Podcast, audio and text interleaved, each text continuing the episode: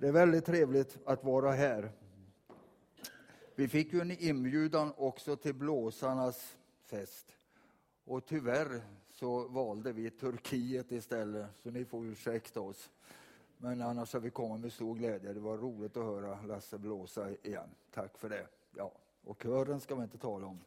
Man blir lite bortskämd och hemmablind, tror jag, när man är i en församling som Tibro. Man ser inte allt det fina man har och äger just när man är i en sån här församling.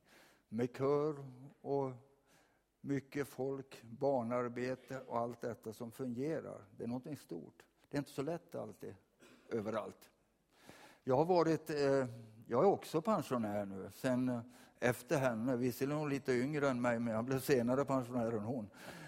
Men eh, sista augusti så slutade jag i Nora som eh, vakans kan man väl säga. Det var en vakanstjänst egentligen på tre år som det blev där. Det var två församlingar som har varit väldigt stora, kraftiga en gång. Och så har åren har gjort att de har minskat och börjat backa alldeles för långt. Och när vi kom uppåt där igen, vi har ju haft en sommarstuga där alltid, så frågade de mig, Torbo jobbade i Karlskoga så vi var särbo, jag bodde i Karlsnora och hon i Karlskoga. Och det var ju en bra tid det också. ja, det är någonting med kossor man brukar säga, men det är inte det jag menar. Har ni inte hört den? Man saknar inte kon förrän båsen är tomt. så är det. Nej, vi har bott ihop så länge så vi kan säga nästan vad som helst till varandra. Nästan. Ja, och då frågade de mig om jag ville komma så en, under, när de skulle gå samman, en ÖM-församling, alltså EFK och Pingstförsamlingen. Och det gjorde jag och var där under den perioden. Jag kände ju bägge församlingarna sen vi var pastorspar där och så blev det så. Ja, så är det ungefär. Men när jag slutade sista augusti så satt jag där ute i stugan ute i Bovik. Den ligger vid en sjö utanför stan och det är jättefint. Det är ingen liten sommarstuga. Vi har, ni ska inte tycka synd om oss för vi har 92 kvadratmeter att bo på. Så det är ingen synd om oss. Och eh, jag satt och funderade på framtiden och det som har varit. Och så tog jag en tumbärs för jag tänkte, vad ska jag egentligen syssla med? För jag får panik när jag inte har någonting att göra. Och eh, då fick jag det här ur apokryferna kom upp utav, utav Jesus Syraks vishet. Och så här sa Herren till mig genom Jesus Syrak. Håll fast vid den uppgift du fått, gå upp i den och åldras i din gärning. Beundra inte vad syndaren gör, utan lita på Herren och håll ut i ditt arbete. Vad ska jag göra då? Så då fortsatte jag. Så är det. Ja, Ja, vi bor som sagt var utanför stan där och det är som Torbjörn också nämnde, det är någonting fantastiskt när det börjar närma sig advent. Fler och fler stugor tänder adventsljusen och man vandrar runt där i naturen. Vi är sju stycken permanentboende i det där området på 52 tomter. Och det lyser överallt, det är väl timer på de flesta håll. Och så stämningsfullt och man hör ingenting egentligen där.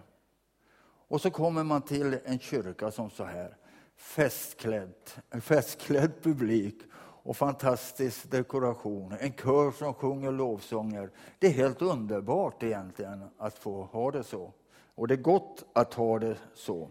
Jag tycker det andas på något sätt frid alltsammans.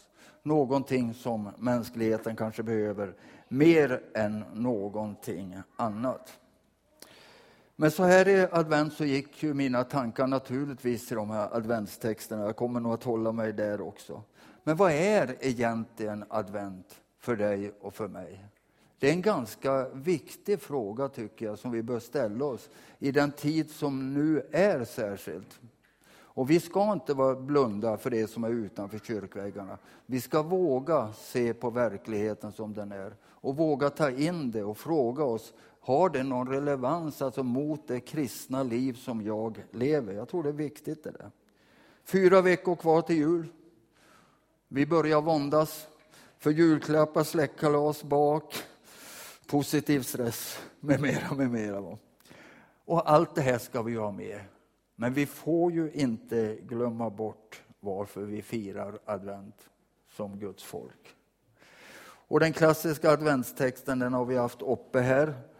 Men det saknas, lästes inte några verser och de verserna vill jag fylla i. Det står så här, alltså efter tionde, Matteus 8 10 så står det så här i 9, 8 10 läser jag. Många i folkmassan bredde ut sina mantlar på vägen. Andra skar kvistar från träden och strödde dem på vägen. Och folket, både de som gick före och de som följde efter, ropade Hosianna, Davids son. Välsignad är han som kommer i Herrens namn. Hosianna i höjden. Och det är den här versen särskilt jag tänker på. När han drog in i Jerusalem blev det stor uppståndelse i hela staden och man frågade, vem är han?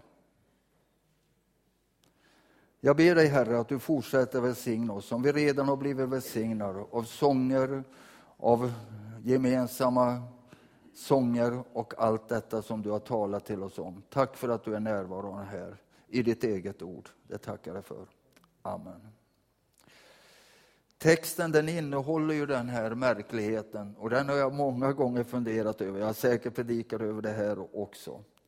Man hyllar Jesus utan att egentligen känna honom. Man har alltså en ytlig kunskap kanske och hört lite grann om honom, allt detta. I alla fall det stora flertalet visste inte egentligen vem Jesus var. Och det här är ju, det är ju egentligen vanligt förekommande fenomen egentligen. Skulle jag möta till exempel Robin Söderling här på gatan i Tibro så skulle jag tycka att jag kände honom. Men jag gör ju egentligen inte det. Jo, jag har sett honom på tv, det kan jag tala om. När han vinner, då jublar jag naturligtvis. Eller några som Joshi och Victoria till exempel. Alla vet vi att de heter Helgesson. Och alla vet vi att de är från Tibro. Men känner vi dem för det? Nej, vi gör inte det. Och ska jag ta till Zlatan till exempel så är han ju, ja, är det någon som inte vet att han heter Ibrahimovic i efternamn? Alltså, vi ytligt har vi kunskap om väldigt mycket. Men egentligen känner man dem. Jag tror inte det. Och jag tror det var likadant här i Jerusalem. Vi firar ju alla jul och advent. Och vi har olika traditioner. Och vi är ganska uppbundna också av traditionerna. Och jag undrar, behöver vi ställa den här frågan kanske, varför vi firar advent och jul? Och mitt svar är glasklart, ja, vi behöver ställa den frågan. Vi behöver ställa den frågan. Svaren, kristet land, kultur, tradition, det kan vara många som vi hörde här. Men i den här gammaltestamentliga texten som citeras i Matteus 21 så finns det en del svar. Vi ska se på Sakarja 9 och 10. Där är ju texten, den ligger här. Fröjda dig storligen, du dotter Sion. Höj jubelrop, du dotter i Jerusalem. Se, din konung kommer till dig. Rättfärdig och segerrik är han. Han kommer fattig, ridande på en åsna, på en åsninnas fåle. Så ska jag utrota vagnar ur Efraim och hästar ur Jerusalem. Ja, stridens bågar skall utrotas och han ska tala frid till folken. Och hans herredöme skall var, nå från hav till hav och från floden in till jordens ända. Advent alltså, före år noll, när han föddes, alltså Jesus, så pekar det fram emot Messias födelse. Det är det som texten här säger i Sakarja. Och den tolkningen den finns med alla år, även i kyrkoåret. Det är den klassiska tolkningen. Det fanns då på Sakarja tid, precis som det som vi läste i Matteus, det fanns, eller där inom Matteus, så finns en djup och innerlig längtan efter just fred och frid. Shalom, som de säger. Det som vi kanske betecknar mera som lycka lycka och harmoni. Att man har frid här inne och man har frid också utåt. Och det är väl mänsklighetens största önskan egentligen att få ha det så. Jag tror det. Det var det då och det bör ju vara så också. Och när vi hör budskapet till herdarna i julnatten, då är det när Jesus föds. Det har precis samma innehåll. Idag har en frälsare fötts åt er i Davids stad och han är Messias, Herren. Det är så klart och det är så tydligt. Och det är likadant när änglarna sjunger på natten där. En stor himmelsk Gud som prisar Gud och står det ära i höjden åt Gud och på jorden fred åt dem han har utvalt. Eller frid åt dem han har utvalt. Fred och frid alltså. Vad är det egentligen för skillnad? Har vi fred så har vi frid och har vi frid så har vi fred. Så enkelt är det ju egentligen om vi tänker så. Och hyllningen som vi ser när Jesus rider in i Jerusalem, den är ju konungslig. Det är mantlar på marken och en bugande människoskara, euforisk, utan like, och de sjunger där. Och hoppet det tänds.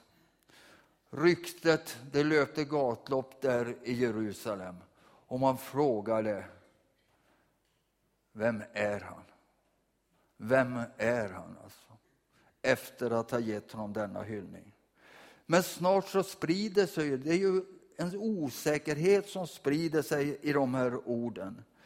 Och det är ju till och med så bland de närmaste. Och det här det var egentligen någonting som fanns från början. Från början en osäkerhet vem han var. Trots att Jesus så tydligt visade att han var den som skulle komma, att han talade om det, så fanns det bland de närmaste en tveksamhet. Vi har Johannes döparen till exempel, han som stod där nere vid Jordan och hörde en röst från himlen som sa att denna är min älskade son, lyssna till honom. Och han ser en duva sänka sig ned över honom.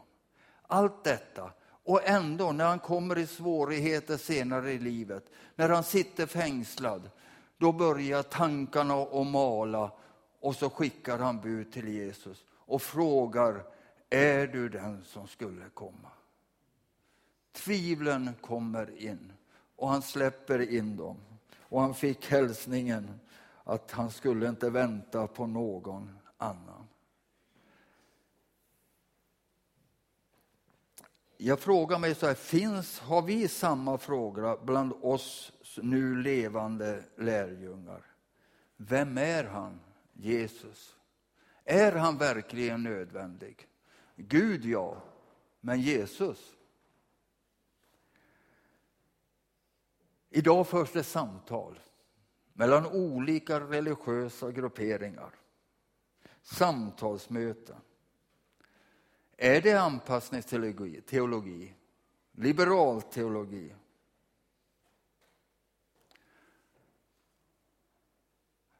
Börjar vi att anpassa oss till döds? Till ett långsamt självmord? Tecknen tyder på att det är någonting som händer i kristenheten och vi kanske behöver tänka över det. Vi anpassar väl oss inte så till mörkret så att man flyr ljuset, det sanna ljuset. Att vi inte låter han vara vår ledstjärna utan vi följer för att vi ska inte stöta oss med någon. Vi ska vara tydliga. Se på värderingar som vi har haft i vårt land tidigare utanför kyrkan. Hur är det idag? Det nya arbetarpartiet. Jag bara säger en sak. Liberalt, ja. Om ditt öga är fördärvat blir det mörkt i hela din kropp. Om nu ljuset inom dig är mörker, hur djupt blir då inte mörkret? Står det i skriften.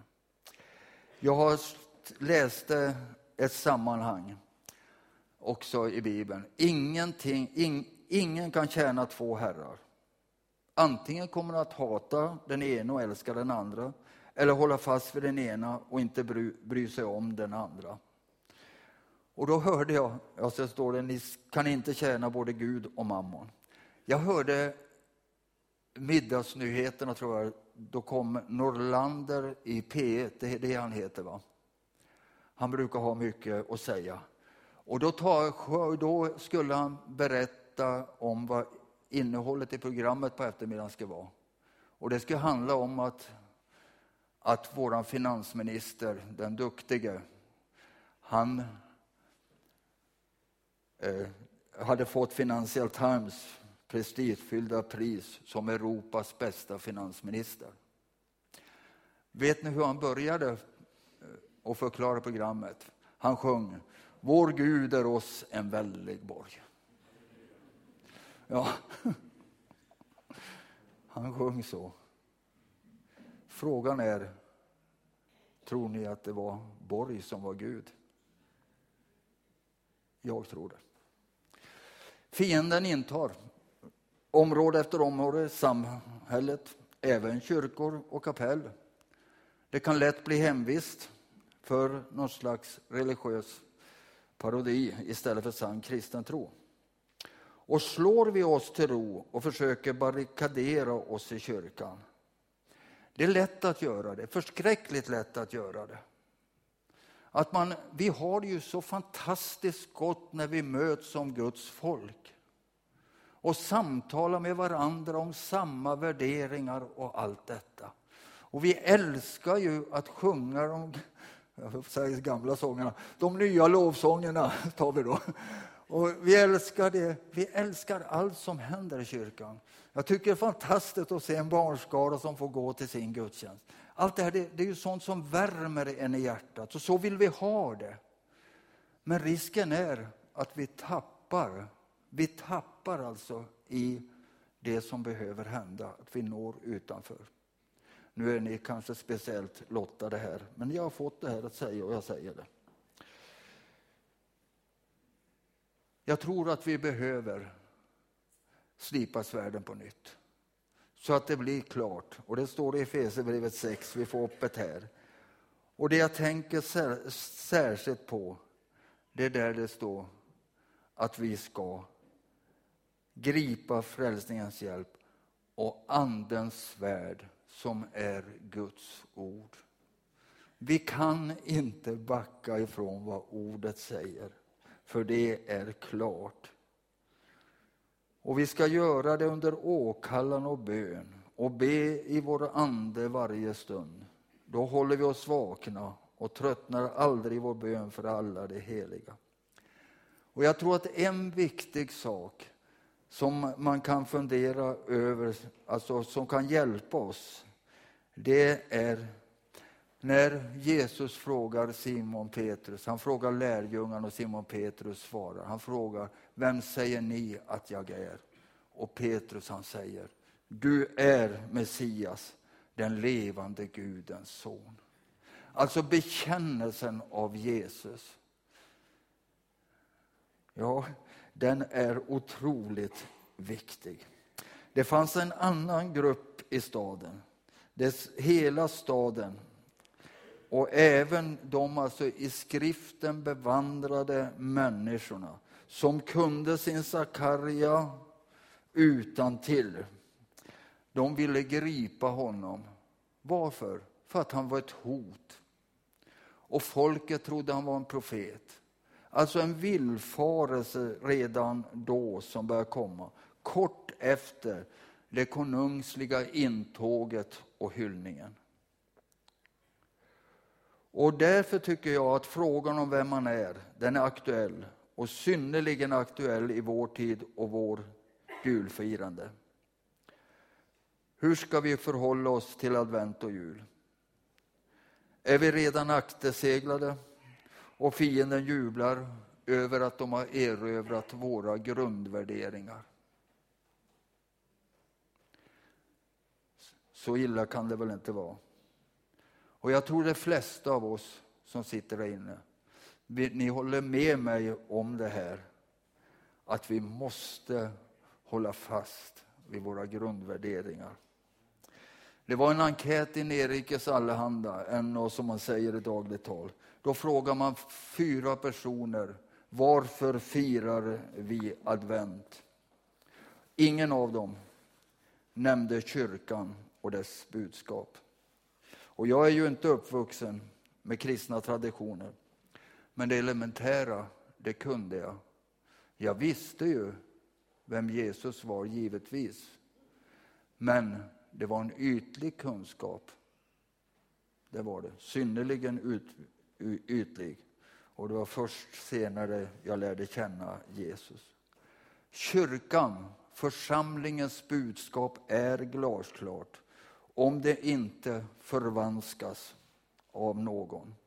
Utan att det är förankrat i vår heliga urkund och det är Bibeln. Det får inte vara något samtalsmöte någonstans som ska bestämma en kyrkas framtid eller din framtid. Utan det måste hela tiden vara, vad säger Guds ord i frågan? Det kan behövas sen att vi kanske accepterar varandra, men inte hur långt som helst. Det första jag skulle vilja säga det är advent, jul. Det firar vi som förberedelsetid och tacksägelsetid till Gud för att han sände Jesus som är och förblir den väntande Messias. Och därför är det ju advent någonting mer som vi ska påminna oss om, som är kanske ännu viktigare. Det är att Jesus ska komma tillbaka.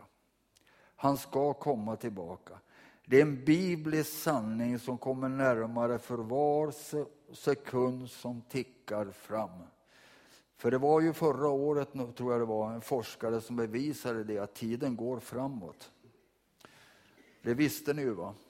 Men nu är det vetenskapligt belagt. Och följaktligen är det både logiskt och vetenskapligt och profetiskt att säga att idag är vi närmare Jesu återkomst än någon har varit tidigare. Det står i Apostlagärningarna 1 och 11.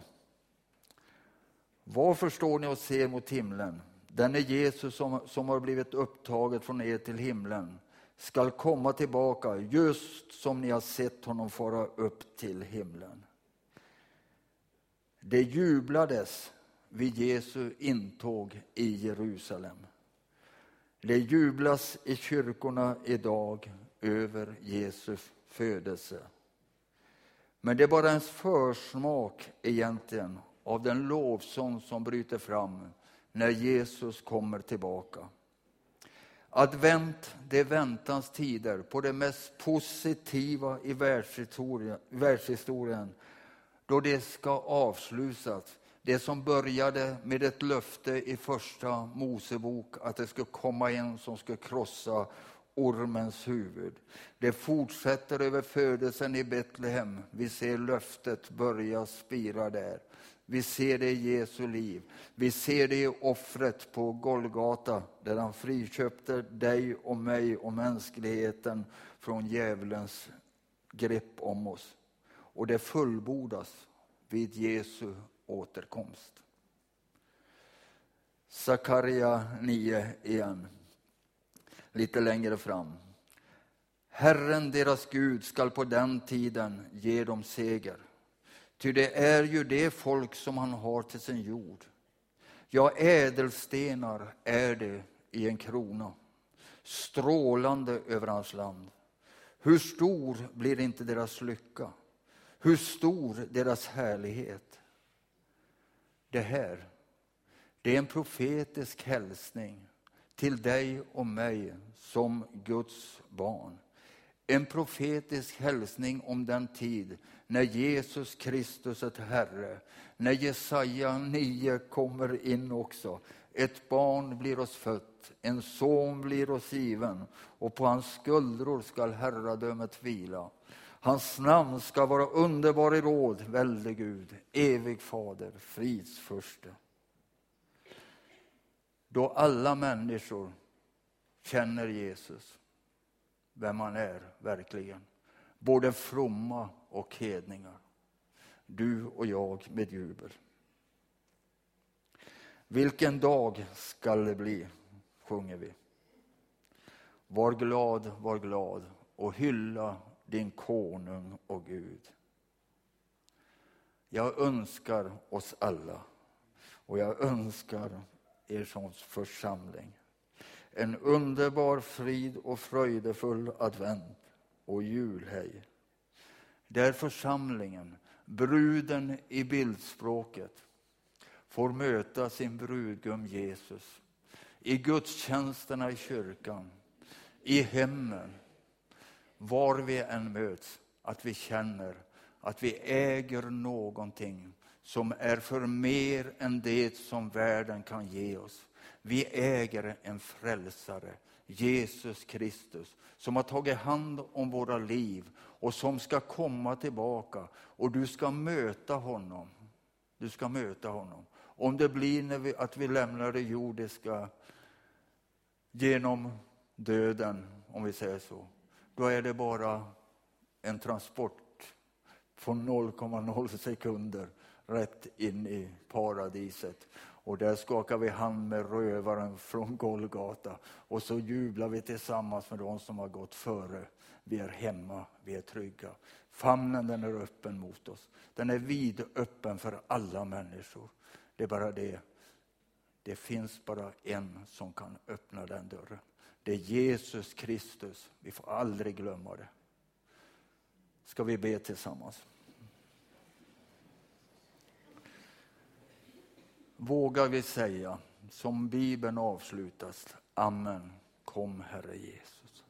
Amen, kom Herre Jesus. Ske alltså, kom Herre Jesus. Kan han komma just nu in i ditt liv, i din situation? Känner du dig trygg i det? Du ska göra det. Oavsett om du är ung, oavsett om du är äldre. Du ska känna dig trygg i detta, att Jesus vill bära dig idag. Vi förenar oss. Herre Jesus, jag tackar dig för att du är närvarande här. Jag tackar dig för mina systrar och bröder i Herren. Jag tackar dig för att du omsluter oss alla med glädjens budskap. Att du är här och du har famnen vid öppen för oss alla. Jag ber för den som kämpar, Herre, som har sjukdomar, som har annat som plågar. Jag ber att du ska befria, befria från detta och låt din frid strömma in. Din frid, Herre, till var och en. Låt din fred strömma in också om det är så att man är i konflikt med någon. Herre, låt så ske. Jag ber, Herre, för församlingen här. Tack för den, den uppgift de har på den här platsen tillsammans med alla de heliga. Låt dem tillsammans, Herre, få tjäna dig till dess du kommer. Låt Tibro bli ett föredöme som det redan är för många. Välsigna, Herre. Låt din kraft vara verksam. Välsigna Martin när han kommer hit, att han får gå in i detta, i denna kamp, Herre, och tjäna dig, Herre. Ja, Herre, låt din nåd följa oss alla när vi skiljs åt. Och tack för att vi alla en dag ska vara hemma hos dig. Amen. Amen.